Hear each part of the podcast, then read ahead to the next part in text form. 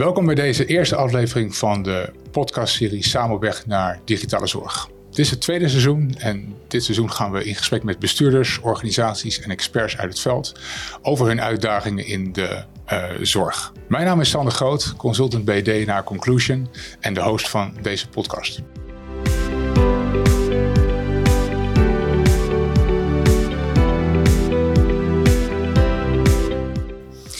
Deze eerste aflevering gaan we het hebben over hoe je als organisatie grip krijgt op digitalisering. Digitalisering speelt overal en voor de uitdagingen die we hebben is het ook echt een van de zaken waar we moeten focussen. Maar hoe kan je nou als organisatie en bestuurder grip krijgen op je ingezette weg en met name ook hoe houd je koers? Dat gaan we vandaag bespreken met uh, mijn twee gasten. Uh, links van mij Nico Drost, IT-manager van onder andere Pieter van Voorheest. En mijn collega uh, Jeroen van der Pol, business lead en principal consultant bij Data Conclusion. Heren, welkom. Dankjewel. Dankjewel, Sander. Nico, om jou te beginnen. Uh, kan je iets over jezelf vertellen, jouw achtergrond en uh, over hoe Pieter van Vrees inzet op digitalisering? Oké. Okay. De laatste zes jaar ben ik inderdaad uh, ICT-manager van Pieter van Vreest. maar ondertussen zit ik alweer meer dan 32 jaar in de ICT-gezondheidszorg. Ik ben in 92, dus erg lang geleden, ben ik begonnen als ontwikkelaar uh, daarna heb ik uh, in het Erasmus MC en daarna heb ik uh, allerlei projecten gedaan in het Erasmus MC allemaal. En sinds 2000 heb ik daar leidinggevende posities gehad. Bij de softwareontwikkeling, de hardware, maar ook medische technologie, internet, intranet, nou neem het. Ehm, en de laatste tien jaar ben ik verantwoordelijk geweest voor. De laatste tien jaar in het Erasmus MC ben ik verantwoordelijk geweest voor eh, de centrale ICT van het Erasmus MC. Daarna ben ik bij eh, DNA gaan werken. En vanuit die positie ben ik door heel Nederland gegaan. Heb eh, heel veel ziekenhuizen van binnen bekeken. en daar verschillende opdrachten uitgevoerd. En zoals ik zei, de laatste zes jaar, sinds 2018, ben ik de ICT-manager van Pieter van Vreest, ouderenzorg in Delft en omstreken. Dat is het, het Westland. Oké. En dat doe je, je doet nog meer naast Pieter van Vergeest dan alleen maar deze organisatie, toch? Ja, dat klopt. Ik uh, vind het erg leuk uh, om in die ICT, in de gezondheidszorg, uh, te werken. Um, dus ik heb de gelegenheid gekregen van de raad van bestuur van Pieter van Vergeest... om naast de vaste baan die ik heb bij Pieter van Vergeest... ook als ZZP'er te werken. Wat ik doe inmiddels alweer een paar jaar bij Bevolkingsonderzoek Nederland. Bij Prisma. En dat is verstandelijke gehandicaptenzorg in Brabant... En sinds uh, eind vorig jaar bij uh, de Piergroep. En de Piergroep zet zich in voor gezondheidszorg in het sociale domein in de regio Rotterdam. En daar verleen ik mijn diensten allemaal vanuit het oogpunt van ICT-consultant, ICT-adviseur. Okay. Redelijk breed inderdaad. Ja. Mooi om je ervaring zo te kunnen delen. Zeker ook omdat het, ik, ik hou dat vol omdat het leuk is. Belangrijk. Heel divers en heel leuk. Oké. En Jeroen, kun jij wat vertellen over je achtergrond en... Uh, ja, zeker. Ja. Nou ja, dat deel ik met Nico dat ik het leuk vind. Uh, ik werk inmiddels, denk ik, uh, een jaar of twintig in de zorg en ICT. de eerste 14, 15 jaar in het VU Medisch Centrum. Ehm, daar altijd op een IT-afdeling gewerkt. Uh, in verschillende rollen, van adviseur tot projectleider. Um, en de laatste vier jaar uh, een mooie bijdrage mogen leveren aan de livegang of aan de implementatie en de livegangen van, uh, van een nieuw EPD voor beide academische ziekenhuizen. Okay. tegenwoordig dus Amsterdam UMC. ja, en na zo'n livegang dan kukelde ik in zo'n zwart gat na zoveel projectdruk. En uh, ik dacht, ik ga op zoek naar wat anders. En ik wilde ook wel eens ontdekken hoe de hazen liepen in andere zorginstellingen. En toen kwam ik eigenlijk al vrij snel bij DNA terecht. Dus zo ken ik Nico ook. Ja, en bij DNA uh, in het begin vooral uh, veel ook met EPD-implementaties weer. Maar de laatste jaren uh, ging mijn informatiekundige achtergrond, of dat hart ging wat harder kloppen, zeg maar. Dus ik ging weer richting de advieskant op. Um, ook in langdurige zorginstellingen. En daar veel als adviseur opgetreden. Met name in het vormgeven van digitale strategieën en de, de IT-besturing, om daar advies over te geven. Hoe doe je dat nou? En de laatste drie jaar heb ik het als interim IT-manager mogen doen in de zorg- en welzijnsinstelling. Um, ook daar vanaf begin af aan vormgeven van een digitale strategie. Um, tot een, uh, een, roadmap maken en daar uitvoering aan geven met een uh, heel team. Um, ja, ontzettend leuk dus. Ja. Leuk, en daar gaan we het ook zeker nog over ja. hebben vandaag inderdaad. Oké. Nico, ik wil graag met jou beginnen. Kan je wat vertellen over waarom Pieter van Vrees heeft ingezet op digitalisering en hoe dat tot stand is gekomen? Nou, als je kijkt naar de ontwikkeling eh, wereldwijd, maar zeker ook in Nederland, dan hebben we te maken met uh, dubbele vergrijzing. Hmm. Dus uh, onze cliënten, wij hebben geen patiënten, maar cliënten, die worden steeds ouder. maar ook de medewerkers die, deze cliënten moeten verzorgen, die worden ook steeds ouder. Um, arbeidsmarkt wordt steeds krapper en moeilijker om überhaupt mensen voor de zorg te vinden.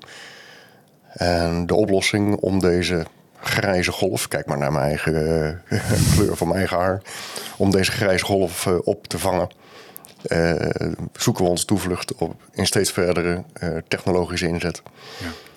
Ja. Um, bijvoorbeeld het aantal nachtrondes kunnen we drastisch verminderen als we op een juiste wijze eh, technologie inzetten. Zodanig dus dat je uh, hele krappe capaciteit efficiënter en beter kan inzetten. Ja. ja, en dat doen jullie al een langere tijd volgens mij, dus niet iets van de laatste jaren. Nee, dat is een, een lang traject. we zijn daar bij Pieter van Vreest in 2018, 2017 echt serieus mee hmm. begonnen. Je moet je voorstellen, het is behoorlijk prijzige handelingen. Ja. Als je als een organisatie als Pieter van Vrees, Pieter van Vrees zelf is, heeft 30 locaties verspreid over het hele Westland. En als je die allemaal wil voorzien van, van technologie. dus dan moet je denken aan valdetectie en dwaaldetectie, allemaal camera-toezicht ongelooflijk veel sensoren. Sensoren in eh, de badkamers, maar ook in de slaapkamers. Nou, daar gaat heel veel geld uh, in zitten. En daar gaat dus ook een heel lang traject overheen om uh, al die technologie ook op een juiste manier werkend te krijgen. En dan heb ik het nog niet eens alleen over de technische implementatie van deze technologie. Het moet namelijk ook gebruikt worden. En het gebruik ervan is soms nog een grotere uitdaging dan de implementatie zelf. Ja. Ja, het vraagt echt om een, om een goed doordacht plan. Want het is natuurlijk niet alleen maar op één vlak. Het zijn al die vlakken bij elkaar die in balans moeten zijn om dit te kunnen laten slagen eigenlijk. Hè? Ja, ja, dus als je kijkt, dan uh, moet je als eerste moet je een, een, strategie bedenken bij je eigen organisatie. Uh, wat gaan we nou precies doen? En je kan bijvoorbeeld je een soort vergelijk trekken met een kerstboom. ga je de kerstboom helemaal vol hangen met alles wat je maar kan vinden? Of uh, hang je daar de kerstballen waar ze echt zichtbaar zijn? Dus dat is een bepaalde strategie uh, die je moet uh, formuleren.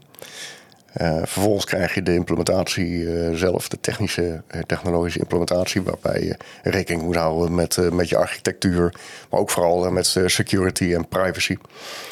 Um, en dan heb je dus een platform staan, maar dan heb je in feite nog niks. Want dan moet je er ook nog mee leren werken. En dat is de adoptiekant van het hele verhaal. En dat is iets wat we geleerd hebben van de afgelopen jaren, dat je daar constant aandacht aan moet besteden. En niet zozeer alleen aandacht, maar ook ja. daadwerkelijk capaciteit voor moet vrijmaken. Bij Pieter van Vreest hebben wij bijvoorbeeld drie FTE. Um, fulltime aan het werk om ervoor te zorgen dat allerlei technologie. En dan heb je het dus over polshalszenders, maar ook de mobiele telefoon, uh, camera's, nou, noem het maar op, uh, op de juiste manier gebruikt worden. Zodanig dat het bijdraagt aan de kwaliteit van de zorg eh, die je verleent. Um, en dat doe je niet alleen. Uh, dat doe je met uh, heel veel uh, externe partijen, met, met de leveranciers. En daar gaat ook veel tijd in zitten om ervoor te zorgen dat dat samenstel, dat samenspel tussen die externe partijen en je eigen organisatie optimaal verloopt. Zodanig dat je het dus optimaal kan inzetten voor die zorg die je, waarvan je verwacht wordt dat je die levert. Ja. Kan je ons eens meenemen in hoe je digitalisering hebt aangepakt? In een bepaald pad wat jullie hebben bewandeld om daar te komen? Wat, wat soort, soort nou, mijlpalen heb je eigenlijk moeten bereiken om dingen goed op orde te krijgen? Dan begin je dus eh, met uh, de basis op orde. Je kan geen uh, zware technologische veranderingen doen als je een basis niet op orde is, want dan trap je binnen de kortste keren door, door het dunne laagje ijs. Dus we zijn in 2018 begonnen met de, het updaten van zo ongeveer alles wat er is ten aanzien van technologie. We hadden hele oude hardware. en met oud bedoel ik meer dan 15 jaar oud. We hadden hele oude software. in 2018 hadden we nog Windows 2003 draaien. Ja, nou, dat werkt niet helemaal goed. Dus dan ga je ervoor zorgen dat je basis op orde is. Um, dan nogmaals, hè, dan heb je dus niet alleen je techniek uh, voor elkaar. Maar vervolgens moet je ook je, bijvoorbeeld je besluitvorming uh, moet je goed uh, ingericht hebben. Um, dat je heel helder voor ogen hebt en heel juist het pad kan bewandelen van wat gaan we nou doen?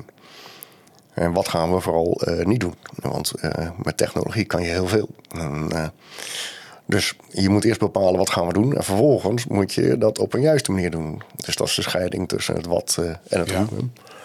Nou, als je dan de besluitvorming eh, goed hebt, dan moet je helemaal, zoals ik al net al zei, ehm, goed vormgeven de manier waarop je ermee gaat werken. Um, en dat is op zich is dat soms wel, wel verrassend. Hè? want die zorgmedewerkers die vinden het moeilijk om met technologie te werken. En dan verbaas ik me wel eens over het feit dat ze thuis wel prima met TikTok kunnen werken of met, met andere kleine applicaties. Ik denk, hey, wat zou daar aan de hand zijn? Maar vooruit. dus daar moet je vooral aandacht aan besteden. En net als met het schilderen van de Eiffeltoren. Dat doe je zeven jaar over, heb ik me eens laten vertellen. Je begint onderaan en zeven jaar later ben je bovenaan. En dan moet je weer aan de onderkant beginnen. Zo werkt dat ook met het meenemen van de zorg. Als je dan ergens bent geweest om ze uit te leggen hoe het werkt met, met de technologie. Met het gebruik van de sensors en het gebruik van de polshalsenders en het gebruik van de toegangscontrole en alles wat we hebben. Dan moet je nou op zijn minst zes maanden later weer opnieuw komen om het opnieuw te gaan vertellen. En dat is helemaal niet erg. Um, Blijft eigenlijk een cyclisch proces eigenlijk, als je jou zo hoort. Precies. Ja. En als je dat beseft dat het een cyclisch proces is, dan kan je technologie uh, inzetten om uiteindelijk aan die kwaliteit van je dienstverlening. Uh, Beseffen organisaties dat, denk je? Dat, dat er inderdaad een, een, continu proces is waar je eigenlijk doorheen moet lopen? Of hebben organisaties meer de overtuiging van we starten en het is geïmplementeerd en het is klaar? Wat is jouw beeld? Mijn beeld is dat ze er vanzelf achter komen. uh, in al die organisaties waar ik heb gezeten, Ehm, denken ze heel vaak dat ICT uh, nog uh, een kwestie is van uh, het CD-bakje open doen, CD'tje erin, next, next, finish en dan, en dan ben je klaar toch? Maar dat Jeroen, is ik zie ook Nick ook inderdaad. Ja, het beeld dat de IT nog met de kabel over de schouder en de laptop onder de arm door het pand heen loopt, die is er zo, nog zeker. Ja, ja. ja. ja ik noem dat digitale volwassenheid in die zin dat ehm, Ehm, ook de organisatie in alle haarvaten uh, bekend moet zijn met digitalisering of er enigszins affiniteit mee, uh, mee hebben. Want anders krijg je het ook niet goed uh, over de bühne. Dus, dus ook een beetje begrijpen van wat kan IT en digitalisering nou voor waarde toevoegen aan de uitdagingen waar wij voor staan. En je begon het gesprek met dubbele vergrijzingen en druk op de zorg, complexere zorg ook wellicht, minder mensen beschikbaar. Ehm, maar dat is, dat is het waarom. Hoe krijg jij dat binnen Pieter van Verreest, dat, dat, dat, dat speelgoed op de wagen? Dat het verhaal levend blijft en dat je ook continu de juiste aandacht kan besteden aan die digitalisering? Ja, nog, eh, even ingaand op eh, wat je eerder zei, Jeroen. Um, de verzwaring van de zorg.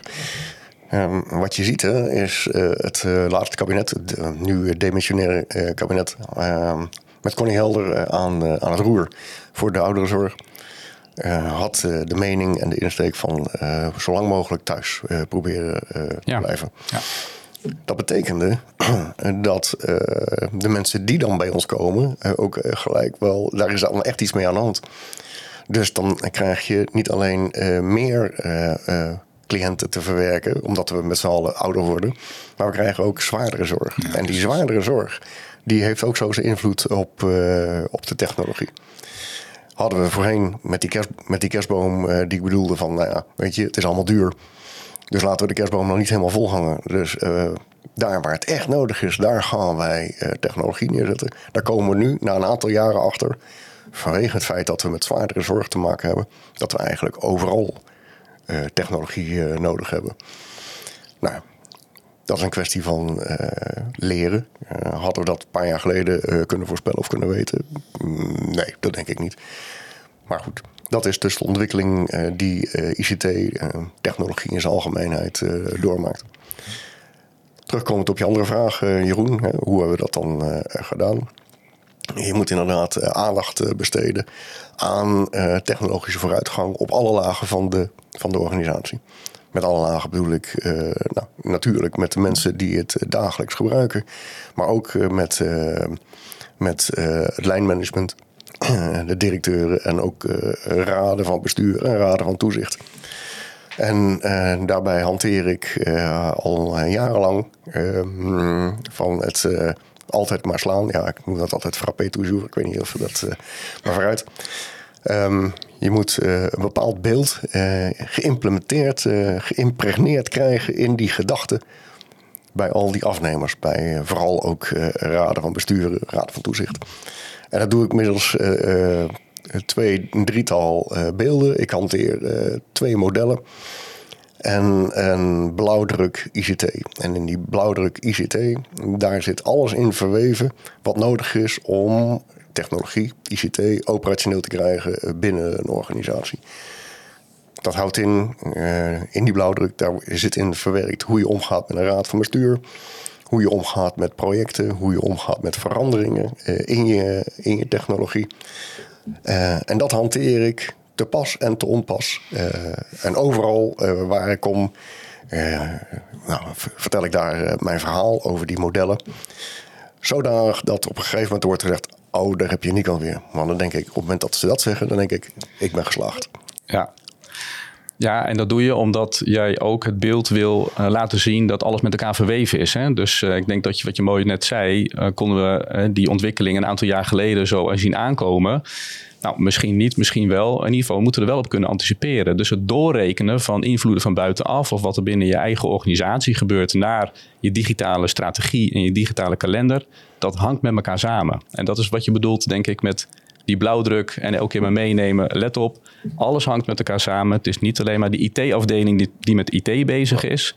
We moeten als organisatie bezig zijn met digitalisering. Ja, nou ja, goed. Wat dat betreft. Uh probeer ik voor elkaar te krijgen dat de ICT binnen Pieter van Vrees niet meer als ICT'ers wordt gezien. Uh, dus niet meer die jongetjes en meisjes uh, die uh, met een netwerkkabel over een schouder door het pand heen rennen. Ehm, want dat is nou juist iets wat wij naar buiten hebben gebracht. En we hebben alle generieke ICT, netwerkbeheer, serverbeheer, databasebeheer, nou noem maar op, dat doen wij al niet meer. Alle specifieke ICT, waar je dus bedrijfskennis voor nodig hebt, bedrijfsproceskennis, dat houd, dat houd ik altijd dicht bij me. En dat maakt dat wij geen ICT'ers meer zijn, maar meer informatieverwerkers. Eigenlijk een hele andere rol, hè, als ik dus hoor. Ja, dat is een hele andere rol. En nou, dat uh, kost ook wel weer een paar jaar uh, om dat tussen de oren te krijgen van, uh, van bestuurders of van management of directie. En ik moet zeggen, binnen Pieter van Vreest vind ik dat dat gelukt is. Iedereen is zich wel bewust van de rol en de importantie van ICT. En de rol die die kan spelen in het aangaan van de uitdaging van die dubbele vergrijzing. Ja. We hadden in het voorgesprek ook al eerder gehad over dat model wat jij zei. En dat, dat beetje dat huis wat je hebt. Een beetje een, een, een strategisch huis erbij. Kan je daar iets over vertellen? Ja. Um, ICT is uiteindelijk ondersteunend. Um, dus het moet meewerken aan datgene waar je eigen organisatie voor staat. Afgelopen jaar, misschien is het alweer twee jaar geleden, uh, hebben wij binnen Pieter van Verreest uh, hard gewerkt aan uh, onze, onze strategie. Hoe gaan wij de komende jaren, voor de komende vijf, zes jaar, het hoofd bieden aan die dubbele vergrijzing, hmm. waarin we um, moeten voldoen aan de wetzorg en dwang. Waarbij we gelukkig niemand meer mogen of kunnen opsluiten, maar iedereen zijn eigen leven moet kunnen laten leiden. Uh, maar toch veilig uh, en gelukkig dat leven kunnen laten leiden. En vooral ook veilig. En dat doen we dus door het inzetten van die technologie. Dus we zijn begonnen met onze bedrijfsstrategie. Nou, en die bedrijfsstrategie uh, die houdt in... we zijn er voor de kwetsbare ouderen in de regio. Dat is één, dat staat bij ons voorop. Nummer twee is onze medewerkers op één. Want uiteindelijk zijn de zorgmedewerkers zijn de, de, mensen die het moeten doen en die het bedrijf drijvend houden. als laatste. we zijn initiatiefnemer in de regio. Want we beseffen ons dat onze cliënten niet alleen bij ons de zorg krijgen, maar soms moeten ze naar de huisartsen. Of soms moeten ze even naar het aanpalende ziekenhuis. Reinier de Graaf bijvoorbeeld, als we het over het Westland hebben. Kan ook naar Leiden of naar, naar Rotterdam. Dus de zorg wordt geleverd in een, in een netwerkorganisatie. Dus die drie dingen. Ehm, hè, dus we zijn er voor de kwetsbare ouderen. We zijn initiatiefnemer in de regio en de medewerker op één. Dat is onze bedrijfsstrategie. Op basis daarvan hebben wij onze ICT-strategie geformuleerd. En ehm, nou, daar komt dus uit dat we regie willen voeren als ICT'ers. We zijn dus eigenlijk geen ICT'ers meer, maar we zijn meer ja, informatieverwerkers. Uh, we willen regie voeren. Alle generieke ICT hebben we uh, uitbesteed. En alle specifieke ICT hebben we, uh, houden we dicht bij ons, omdat je daar, zoals ik al eerder zei, kennis van het bedrijfsproces voor nodig hebt. Dus we zijn begonnen met de bedrijfsstrategie en daar is een ICT-strategie uit voortgekomen. Dus eigenlijk pak je hem eigenlijk heel hoog pak je hem op. Hè? Je kijkt over de hele organisatie heen. Missie, visie, doelstellingen doorzetten naar je digitale strategie. En vanuit daaruit dan de roadmap ja. opzetten. Kan ik maar zo zeggen? Zo kan je hem helemaal ja. ja. ja. En zie, je, zie je dat ook zo, Jeroen? Ja, zeker. Dat zijn die, eh, die communicerende vaten die ik net ook uh, aangaf. Dat je niet alleen maar vanuit de IT-kolom uh, ernaar kijkt, maar dat de organisatie net zo hard meetelt. En niet alleen de strategiekant, maar ik denk ook je, je, je tactische lagen, je, je, je, je, je middenmanagement, uh, maar ook je gebruikersorganisatie. Uh, het helpt enorm als je gebruikersorganisatie ook een bepaalde volwassenheid heeft en een bepaalde digitale vaardigheid. En ook ziet wat de mogelijkheden zijn in het, uh, in het digitaliseren en het inzetten van zorgtechnologie. Dus hoe hoger die volwassenheid ook aan die organisatiekant, uh, hoe beter je denk ik in staat bent, ook op het hoogste niveau, de juiste dingen te doen op het juiste moment. Um, dus ik ben het uh, wat dat betreft wel een beetje eens. Uh, waar voorheen vooral vanuit de aanbodkant werd gekeken. Hè, van, goh, beste IT, vertel maar. Hè, of, ehm, of het andersom zelfs nog, u vraagt, wij draaien. Hè, dat idee. Ehm, dat is niet meer van deze tijd. Ik denk dat de vraagkant zich hoort te organiseren. Dus weten dat Um, weten wat je vraagt en ook uh, veel meer grip en zicht krijgen op wat uh, digitalisering allemaal aan mogelijkheden kan brengen en hoe het je processen efficiënter kan inrichten, hoe je je uitdagingen te lijf kan gaan, daar waar we het net over hadden. Maar inderdaad ook niet alleen aanbodgedreven, hè, dus, uh, of tenminste, maar ook vanuit de IT-kolom als adviseur optreden. Je zei net, we zijn meer informatieverwerkers, dus we moeten ook dingen kunnen aandragen aan de zorg luister eens, dit zijn de mogelijkheden, hiermee kunnen we je helpen. Uh, in plaats van uh, achterover leunend in de kelder, bij wijze van spreken, te wachten op, op de vraag die op je afkomt. Dus het is veel meer dat regie voeren over en weer, het samenwerken tussen de organisatie en de, en de technische kant, zeg maar. En eigenlijk daarop inhaken, hè? dat is nou op verschillende niveaus. Hè? Want je is tactisch, strategisch, operationeel. En vaak wordt de operationele laag wordt dan vaak wel gezien, het tactische nou ook wel, maar het strategische missen we wel eens.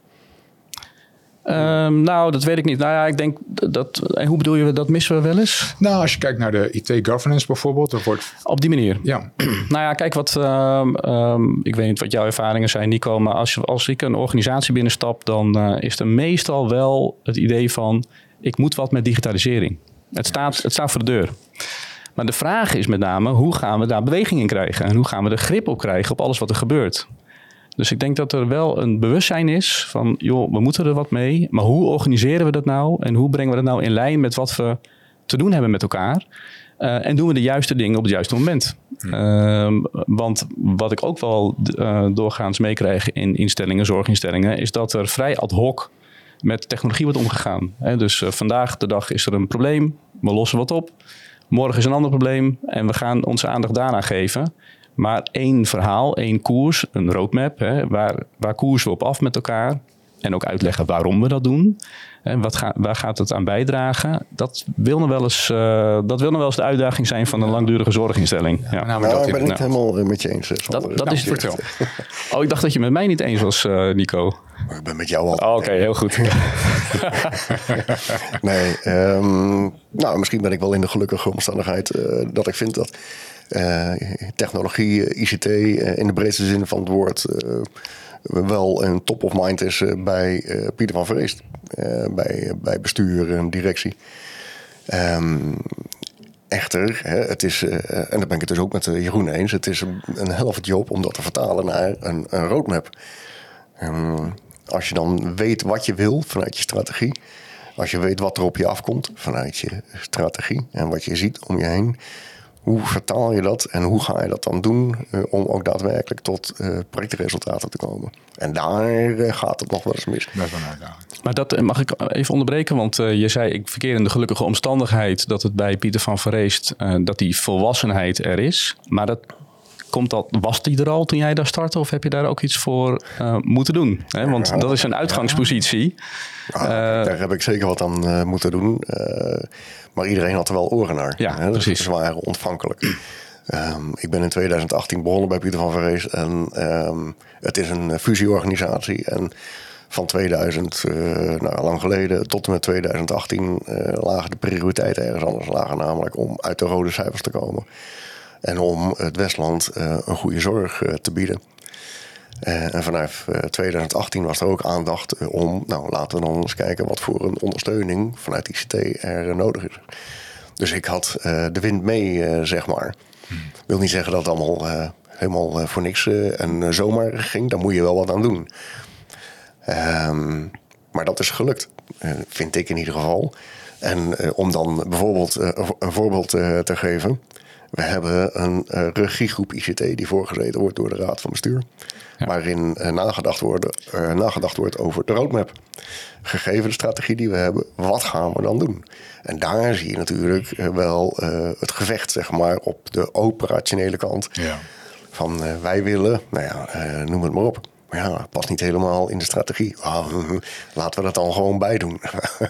nou, dat, dat soort uh, zeg maar, uh, schijngevechten uh, moet je wel leveren. Is dat ook hoe jullie koers houden op jullie digitalisering waar jullie hebben ingezet? Uh, zo proberen we dat wel, ja. ja. En koers houden, kijk, het is net als uh, het zeilen van een schip. Eén flinke rukwind en je ligt van koers af. Nou, dan moet je een beetje bijsturen. Ja. En dat, dat gebeurt regelmatig. Maar ik ben van mening dat Pieter van Vrees zich bewust is van uh, wat het kan betekenen om uh, technologie, ICT, uh, in te zetten. Mm -hmm. ze zijn zich ook bewust van het feit dat er wel eens een keer wordt afgeweken van de koers. En ze zijn zich ook bewust van het feit dat je dan moet bijsturen. Ja, nou, maar dat is al heel op winst. Ja, ja, mooi. Zeker, dat zien we niet overal. Nee. Um, nee. nee, dat zie je niet overal. Ik zal geen namen noemen, maar uh, bij de andere organisaties uh, waar ik werk, uh, kost het wel wat meer moeite om, om richting en koers te houden. Hmm. Nico, kan je wat vertellen over wat voor concrete resultaten jullie de afgelopen jaren bereikt hebben?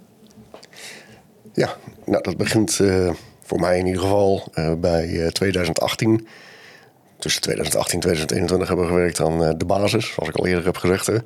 Wil je mm-hmm. verder bouwen? Um, met verregaande, verregaande technologische implementatie, dan moet je je basis op orde hebben. Ja. Dus we hebben onze hardwarelaag helemaal vernieuwd. En we hebben onze softwarelaag helemaal vernieuwd. in 2019 kwam ik nog spullen tegen uit 2003, zeg maar. Nou, daar kan je niet verder op bouwen. Al was het alleen maar omdat het niet veilig is. Mm. En, mm al die hackers van tegenwoordig. En die uh, slaan hun slag dan als je daar eh, zo'n oude infrastructuur op zit. Zie je dat ook trouwens, Jeroen, wel bij klanten nog? Dit soort infrastructuren? Ja, zeker. Nou ja, de, de, jij zegt basis op orde en informatieveiligheid en, uh, en privacy. Maar dat zijn, het, dat zijn overigens wel de aanjagers hè, om eens te hmm. goed te kijken naar hoe sta je ervoor als organisatie. Maar dat daar nog wel wat in te halen valt, uh, dat is denk ik uh, een, een zekerheidje. En dat gaat dan over nou, ook je werkplekvoorziening, um, over uh, je, je, je, technische lagen, of die uh, ja, veilig genoeg zijn, robuust genoeg zijn voor, uh, voor alle bedreigingen van buitenaf. Um, ja, maar ook zaken als koppelplatformen of een goed ECD. Of maar gewoon de, basis, de basis op orde. Dus iets in handen hebben waar je op verder kan bouwen. Uh, en waar je ook met zorginnovatie of zorgtechnologie of met data gedreven werken uh, mee aan de slag kan. Ja. Uh, dus die, die stappen die moeten zeker nog gemaakt worden. maar ja, daarbij is het natuurlijk wel zo, elke zorginstelling staat weer net even anders voor. Maar door de bank genomen zie ik dit wel terug. Okay. En dat is concrete resultaat waar je me naar vroeg, Sander. Ja. is ehm, dat wij de complimenten krijgen van onze nieuwe medewerkers. Die voor het eerst van hun leven meegemaken dat zij al een laptop en een telefoon hebben die helemaal werkt. En hm. waarop alle rechten goed staan ingeregeld voor een eerste werkdag. Kijk, ja. nou, dat is al een, een hele winst. Maar goed, als je dus die basis op orde hebt, dan kan je uh, verder gaan bouwen uh, aan nou, zeg maar uh, toezichthoudende technieken. Dus onze 30 locaties okay. voorzien van valdetectie, dwaaldetectie, sensoren, camera's. We hebben nou meer dan duizend camera's verspreid. En soms ook slimme camera's. over, behoorlijk veel. Um, ja, ja. Daar kan ik daar nog wel wat over zeggen, want uh, er moet nog heel veel gebeuren. Maar het concrete resultaat uh, daar bijvoorbeeld is uh, dat wij sinds de introductie en het in gebruik nemen van die toezichthoudende techniek met minder nachtrondes, minder fysieke nachtrondes uit kunnen. En dat dus in het kader van krappe, krappe arbeidsmarkt is dat heel handig. en het is ook vooral fijn voor de cliënt zelf natuurlijk. Was je voorheen uh, als zorgmedewerker, moest je vier keer, vijf keer, zes keer moest je een rondje maken uh, bij eh, de cliënten zelf naar binnen stappen om te controleren of alles nog oké was. waarmee je dus de cliënt ook wakker maakt midden in de nacht. kan je nu zeg maar volstaan met het kijken naar de signalen die de toezichthouder de techniek geeft. Eh, en het is ook nog eens een keer een continu monitoring van uh, onze cliëntenpopulatie. en dat heeft ertoe geleid uh, dat het aantal fysieke nachtrondes af kan nemen. Waarbij de zorg dan nou, tijd krijgt voor, voor andere zaken. Mooi, mooi. Heb je nog meer van dit soort voorbeelden waarbij je echt FTE-besparingen hebt? Nou, interessant ja, om toch kijk, weet je, te gaan. FTE-besparingen, dat is natuurlijk altijd lastig om het daarover te hebben. Hmm. Um, de zorg heeft het druk. Um, ik zou het eerder willen hebben over dat je dan kostbare tijd van de zorg beschikbaar maakt voor, voor het echte werk. Ja. Bijvoorbeeld nog een keer een sociaal praatje te doen met, met de cliënten. want je moet je goed beseffen, ik zit nu in de ouderenzorg en die heeft wat dat betreft een hele andere insteek op de behandeling van de cliënten dan in een ziekenhuis. In een ziekenhuis, eh, daar zitten patiënten. En die moeten eigenlijk zo snel mogelijk, als het enigszins kan, een beetje uh, gezond weer uh, de deur uit. Hmm. Bij ons zit je bij de ouderenzorg. Mm, ons doel is om je daar een aangenaam uh, laatste levensfase te laten genieten. Dus dat, is, een, dat is een hele andere insteek. En het bezorgen van een aangename laatste levensfase houdt in dat je eens met de cliënt eh, gaat uh, sjoelen. Ja. Kop koffie drinken, het gesprek aangaat. Hoe gaat het met je? Nou, als je dan met inzet van technologie dat voor elkaar kan krijgen, dan vind ik dat we goed bezig zijn. Ja, zeker. zeker. Hoe zorgen jullie voor adoptie van zorgtechnologie op de werkvloer? Zou ook nog speciale. Ja, dat is wel een goede. Want uh, je kan natuurlijk een organisatie helemaal vol plempen met, met technologie. Maar één ding is zeker, uh, dan gaat er een hele dikke laag stof uh, opdwarrelen en het zal niet gebruikt worden. Dus die adoptie, uh, die moet ook vanuit alle lagen van de organisatie, moet daar aandacht aan besteed worden. Constante aandacht aan raad van bestuur en soms ook aan de raad van toezicht. Constante aandacht aan managementlaag eronder. Constante aandacht aan uh, de operationele kant uh, van, van de organisatie. Hoe doen jullie dat? En dat doen wij door drie FTE, Pier van Vrees is 6000 man groot, drie FTE voltijds in te zetten voor het bijstaan van de zorg in het gebruik van de technologie. En dan heb ik het niet alleen over toezichthoudende techniek, maar over alle technologie die wij beschikbaar hebben. Dus uh, hoe ga je nou precies om met, uh, met de mobiele telefoon en de alarmen die je erop krijgt? En hoe kan je dat nou doen? En hoe ga je nou om met die polshalszenders? En nou, daar hebben we dan drie eh, FTE voor. En daarnaast hadden wij op een gegeven moment gedacht van... kunnen wij nou niet iets maken in spelvorm... dat dat voor de operationele kant, voor de zorgkant, en eigenlijk ook voor iedereen, het inzichtelijk maakte hoe technologie werkt. En dat hebben we gedaan. We hebben sinds oktober vorig jaar hebben wij een escape room. Een escape room helemaal ingericht uh, op de technologie die we binnen het eigen bedrijf gebruiken. Het is niet zo dat de deur op slot gaat. Hè, want we hebben uiteindelijk te maken met een wetszorg en dwang. dus ook, ook, in de organisatie? Ook in de organisatie. Dan mag de deur niet op slot. Maar het is het idee van de, van de escape room... waar het gebruik van ons ECD aandacht krijgt. Maar ook de toeringscontrole, een stukje security en privacy komt er aan bod... Ehm, en het is prachtig uh, gemaakt uh, met opdrachten die je moet uh, uitvoeren. En als je de opdracht goed hebt uitgevoerd, dan valt er ergens een sleutel uit een plafond. En die sleutel is weer een aanwijzing voor de volgende opdracht. Nou, dat is een van de onderwerpen die we hebben ingezet om adoptie binnen Pieter van Vrees aandacht te geven. Hoe zie jij dat, Jeroen? Herken je de, de voorbeelden die Nico geeft?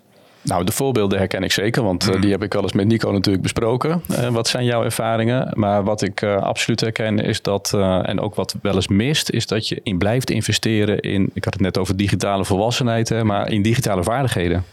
En ik vind het ook wel mooi hè, dat je zei net ook, in ieder geval ook in het voorgesprek kon ik me herinneren, en die continue aandacht aan adoptie. Uh, dus elke, proces, ja, elke zoveel jaar weer even aandacht voor uh, hoe gebruik je dit nou op een goede manier. Uh, want kijk, de regel is ook hè, dat ik heb onlangs een nieuwe werkplekvoorziening, een nieuwe moderne werkplek geïmplementeerd in een organisatie. En wat je daar ziet, is dat ze op de dag ervoor, zeg maar, precies hetzelfde werkte als de dag erna. Dus het verzilveren en het uitnutten van de mogelijkheden van die moderne werkplek, ja, dat wordt daar voorbij gegaan. Uh, dus dus die olifantenpaadjes worden vrij snel weer gevonden. Ja, de truc is, uh, nou één, je moet het natuurlijk ook even laten gebeuren. Maar twee is uh, inzetten op, op, op, op vaardigheden. En zorgen dat je je collega's blijft inspireren in het gebruik van techniek. wat kan bijdragen aan, aan meer werkplezier of meer, meer, meer tijd voor de cliënt. Ik heb daar nog wel een leuk voorbeeld voor ja, van. Um, Goed, we hebben eh, op een gegeven moment toezichthoudende techniek geïmplementeerd in een van de locaties. Uh, met als achterliggende uh, gedachte het aantal uh, nachtrondes te, terugbrengen. Dus op een bepaald moment, laten we zeggen uur X, hadden we dat operationeel. En drie maanden later zijn we dus gaan navragen van... en nou, hoe zit het ermee? Jullie zijn opgeleid en hoe wordt het nou gebruikt? En zijn de nachtrondes afgenomen? Nee, nee, nachtrondes zijn niet afgenomen. Nee, sterker nog, ze zijn toegenomen. Oh. Nou, wat is dat nou voor iets? Ja, ja, want uh, er kwamen zo weinig uh, meldingen vanuit die toezichthoudende techniek. En er gebeurde ook niks. Maar dat ze dat niet vertrouwden. En dat ze, omdat er dus weinig meldingen kwamen... Extra, nog even gingen kijken. Extra nachtrondes gingen lopen. nou ja, en dat is iets... Uh, dat is ook iets waar we tegen moeten strijden. Uh, dat is de uitdrukking... komt te voet en gaat te paard.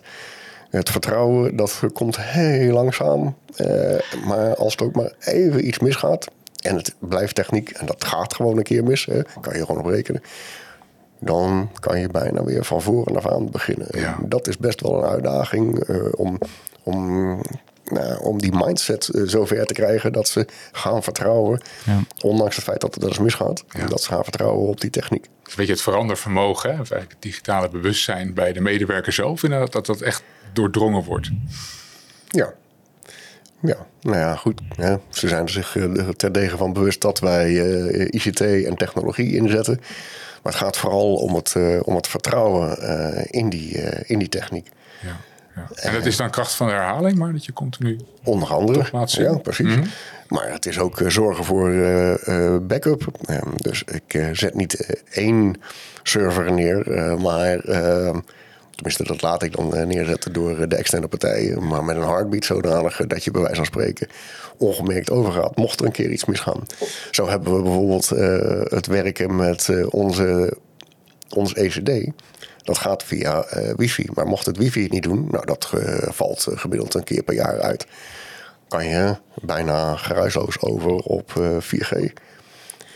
zodanig dat de zorg niet merkt dat er hmm. eigenlijk een probleem is geweest. Nou, en dat soort dat soort nou ja, veiligheden moet je wel uh, inbouwen. Ja.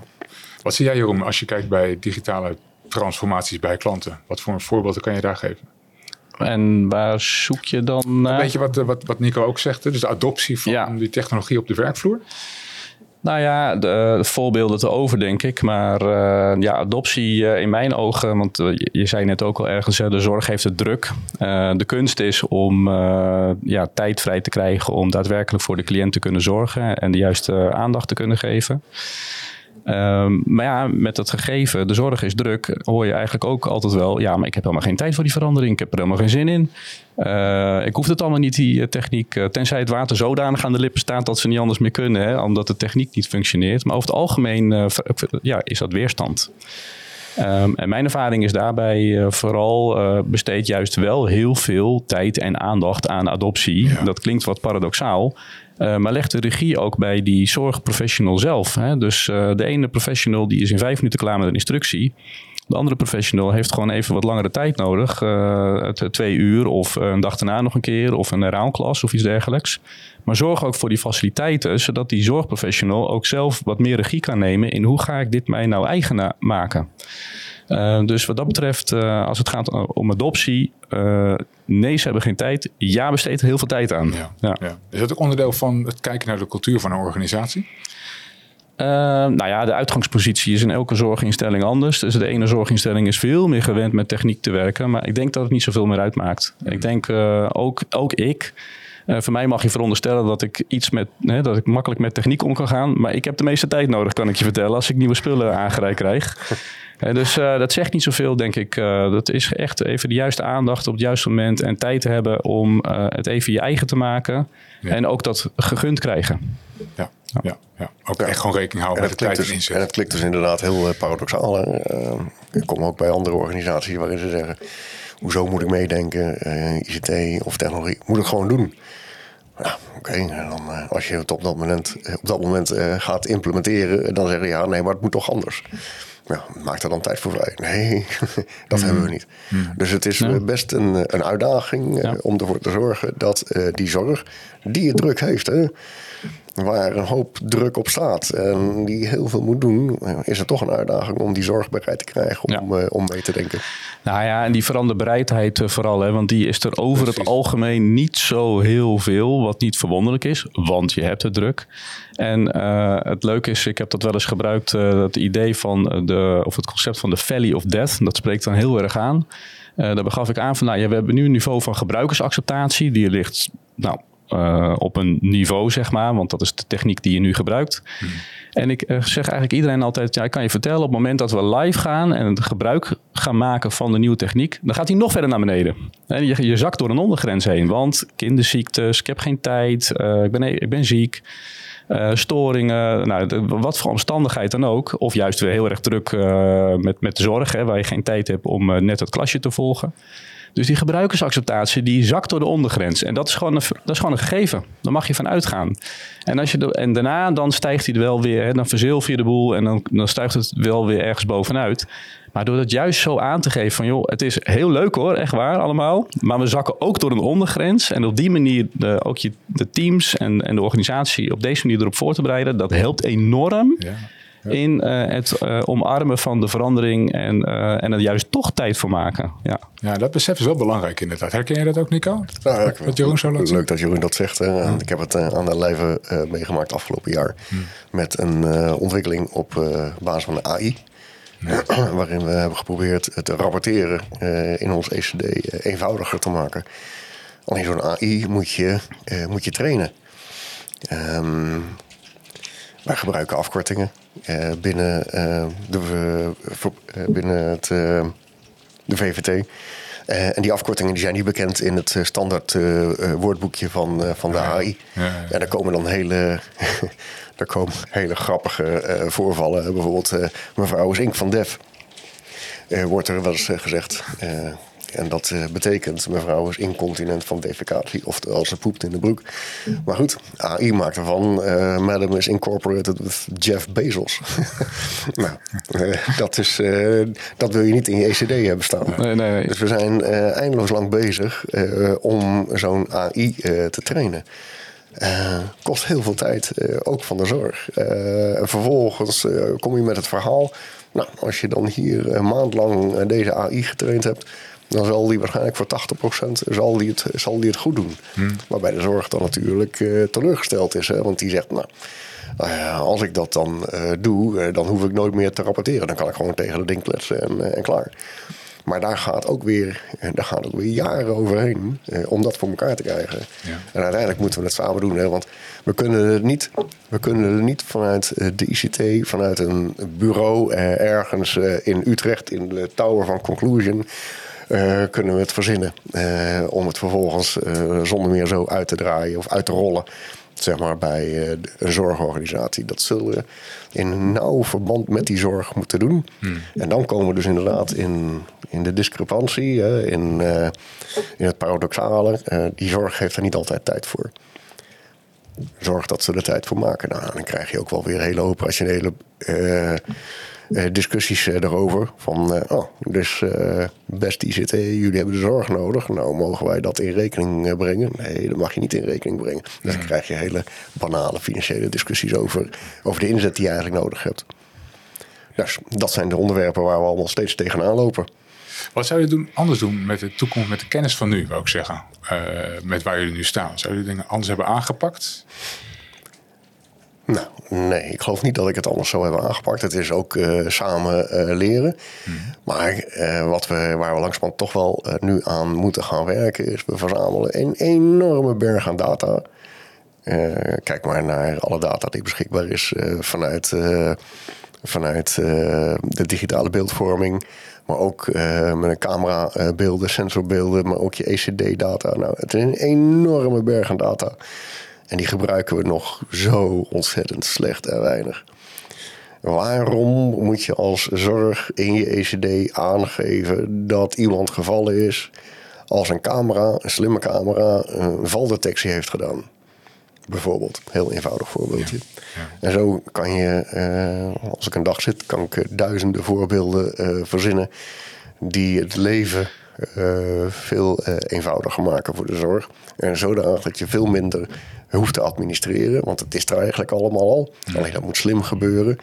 En je zou vanuit die data ook trends kunnen ontdekken.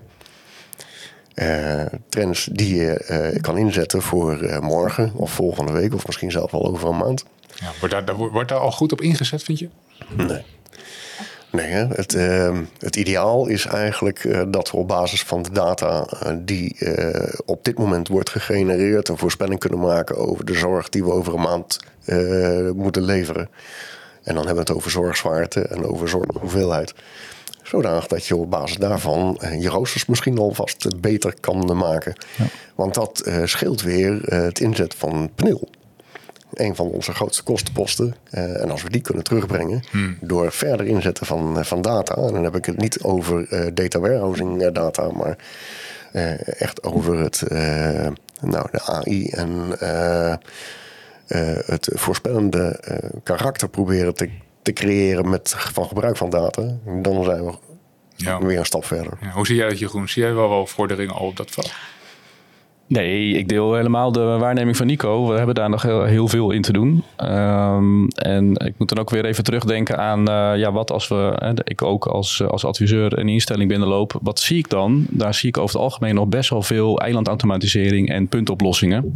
En uh, met ook verschillend eigenaarschap op het hele IT-landschap. Dus die geïntegreerde informatievoorziening en afspraken over standaardiseren, gebruik van data. Hoe kan ik één keer iets vastleggen en het meervoudig gebruiken? Dus ook echt gebruik kunnen maken van data. Die stap moet zelfs nog gezet worden, denk ik. Uh, hè, dat, uh, dus ik denk dat als ik jou zo hoor bij Pieter van Vreest, hebben jullie daar al wat stappen gezet en is de volgende stap meer uit data halen?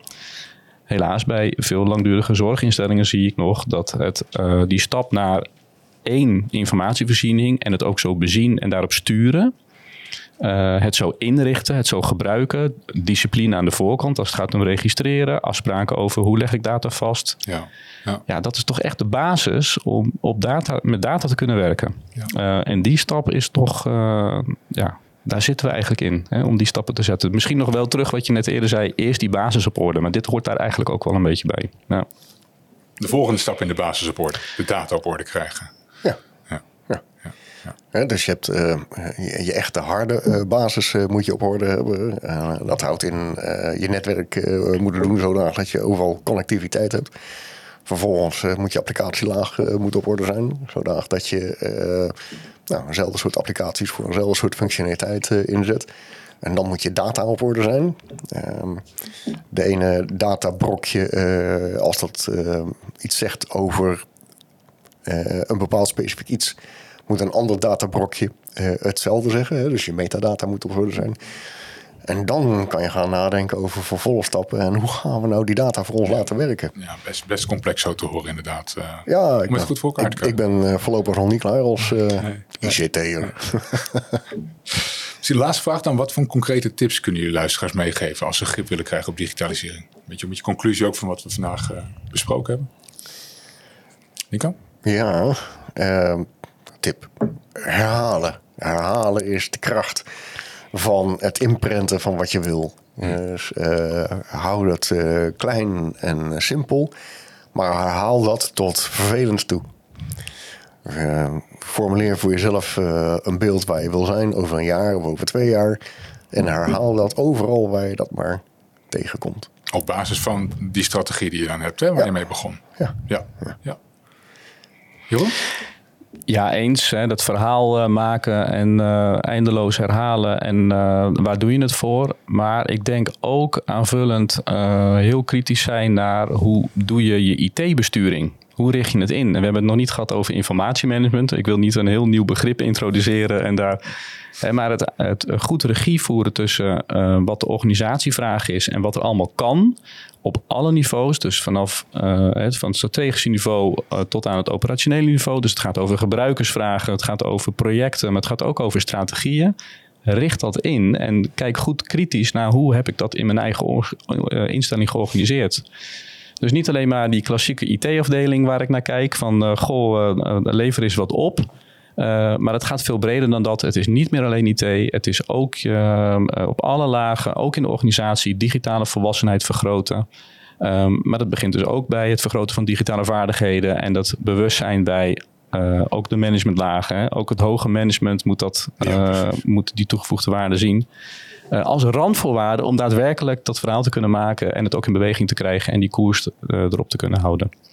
Dus twee perspectieven, denk ik, als ik het zo hoor. Het verhaal en, en het motortje, informatiemanagement, zorgen dat je het op gang, op gang houdt. Ja. En het verhaal dus op alle, op alle lagen. Ja, ja. ja. Oké. Okay. Oké, we zijn helaas door de tijd heen. Ik, ik, zou nog graag nog een keer met jullie doorpraten, maar uh, voor nu is het, hierbij, uh, is het hierbij klaar. Misschien is dat voor een volgende keer. Zo ligt wel een volgende keer. Als ik jullie warm kan krijgen ervoor, uh, je bent van harte uitgenodigd.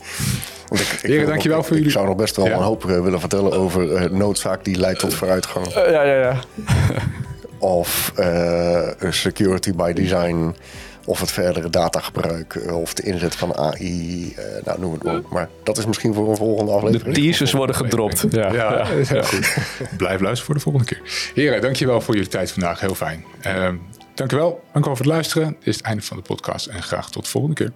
Graag gedaan. Graag gedaan. Tot kijk. Bye.